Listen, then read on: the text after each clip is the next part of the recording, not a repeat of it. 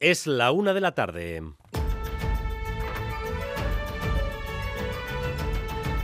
Crónica de Euskadi con Dani Álvarez. A Rachaldeón, hay un lugar en Euskadi del que el conjunto de la ciudadanía está, estamos enormemente orgullosos. Ese lugar, al mismo tiempo, es un sitio en el que nunca nadie jamás querría tener que entrar. Es como el santuario de Osakidecha, la sexta planta del Hospital de Cruces, la planta de oncología infantil. Solo pensar en pasar esa puerta de entrada hace que sintamos un escalofrío. Hoy hemos estado allí, en el Día del Cáncer Infantil. Boulevard ha compartido un rato con los niños afectados y con sus familias y con los profesionales. Primero que pregunté es a ver si me iba a morir y cuando me dijeron que no, pues intentar llevarlo lo más lo mejor posible para que lo duro que ya es sea por lo menos algo menos duro. Pues a hoy le detectaron el cáncer, pues ahora va a hacer un año. Vinimos por un dolor en, en el cuádriceps y en, en, la zona pélvica. Y nada, en cosa de 40 minutos nos dijeron lo que, lo que había. Yo me cagué de miedo, hablando claro. Pero el diagnóstico pues es eh, terrible. Eh, se te abre un agujero en los pies y tienes cinco minutos para reponerte porque tienes que estar con tu hijo. Yo la verdad que no he tenido mucho impedimento, o sea, no me ha supo, supuesto ningún problema ni nada. Eh, no he tenido solo lo del pelo que no me importa mucho y, y náuseas y eso no he te, solo he tenido una vez. Son mis médicos, los médicos de Goy, pero son como una familia, ¿sabes? Es un, no sé cómo, es que no sé cómo explicártelo. Para mí es mi casa. Eh, aquí es donde han salvado a mi hija. Las personas que están son ángeles de la guarda. Para mí, para mi hija, y, y, yo es donde más segura me siento. Más que en casa. Más que en casa. Uno de esos días de radio en los que las emociones desbordan. Enseguida, volvemos allí. Antes, el Parlamento Vasco. Imagen de satisfacción generalizada en el Pleno de hoy. Se aprueban las últimas leyes de la legislatura y la política aporta una imagen constructiva y útil a la sociedad. Se aprueban tres leyes, cooperación, infancia y en unos minutos también se aprobará la ley trans con la oposición votando junto al gobierno y con varias organizaciones sociales presentes en el Parlamento, porque se han sentido escuchadas y partícipes en la elaboración de estas leyes. Ainhoa Iglesia. Son las tres últimas leyes de la legislatura y eso hace el ambiente hoy en la Cámara especial. Un ambiente de despedida palpable en los discursos de muchos de los parlamentarios. Un pleno especia especial también por las más de 200 personas que han venido como invitadas a presenciar la aprobación de estas normas, entre ellas niños y niñas transexuales que han venido con la asociación Naisen o representantes de Save the Children o UNICEF. El palco a rebosar. También ha hecho especial el pleno de hoy el amplio consenso con el que salen adelante las leyes, con el apoyo de al menos los dos mayores grupos de la oposición, Bildu y el Carrequín, y en algún caso también de PP y Ciudadanos. Todas las partes se felicitan por el trabajo conjunto que ha permitido mejorar estas leyes. En definitiva, hoy ambiente casi festivo en la Cámara. Hoy también en Radio Euskadi hemos escuchado a uno de estos protagonistas, a Elashar Lersundi, el aita de Eka y el chaval trans de, de 16 años que se quitó la vida en Ondarroa cuando estaba esperando a iniciar su proceso de transición. El caso de Ekai ha inspirado la reforma de la ley que se va a votar hoy, pero también canciones y películas como la propia 20.000 especies de abejas. Es decir, que sus padres viven la semana del cambio de la ley y de los premios a la película. Una familia peleona.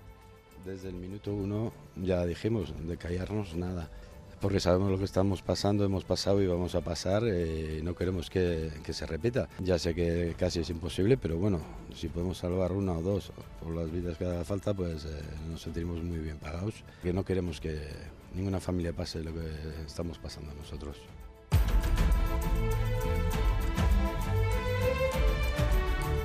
Las dos reformas clave de futuro en Bilbao y San Sebastián son Abando y los cuarteles de Loyola.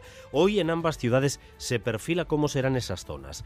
En Bilbao, cuando el tren se haya soterrado, y en Donostia ya deciden cómo serán las primeras actuaciones en el terreno cuando haya viviendas en las proximidades del Urumea. Vamos a hacer esas dos maquetas virtuales. Y Manuel Manterola, Anegoñía, adelante.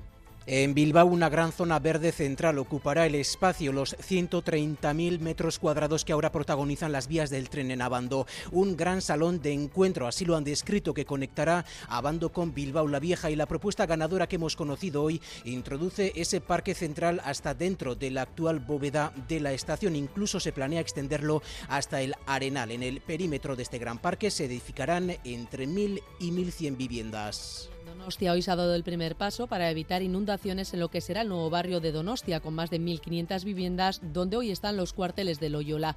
Para ello, URA redactará el informe hidráulico que permitirá después la construcción de un nuevo puente sin obstáculos para el río, así como ensanchar el cauce del Urumea y crear un parque fluvial, actuaciones que se han llevado a cabo en los últimos 10 años en otros barrios de la ciudad, como Martutene o Chominenea, y que han permitido que el Urumea deje de ser un problema y se convierta en un lugar de oportunidad y un avión ha tenido que aterrizar de emergencia en el aeropuerto de Bilbao tras detectar humo en su cabina. Mayalen Galparsoro. Se trata de un avión de la compañía EasyJet que iba de Lisboa a París. Al parecer el piloto ha detectado humo dentro de la cabina y ha pedido ayuda por radio. Sobre las 12 y cuarto ha aterrizado en el aeropuerto de Bilbao donde los bomberos esperaban en pista a modo preventivo. A bordo 141 pasajeros, ninguno de ellos ha resultado herido.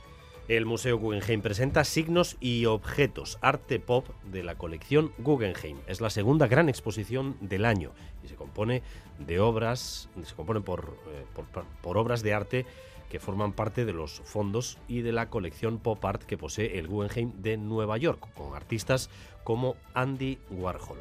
Habla Juan Ignacio Vidarte.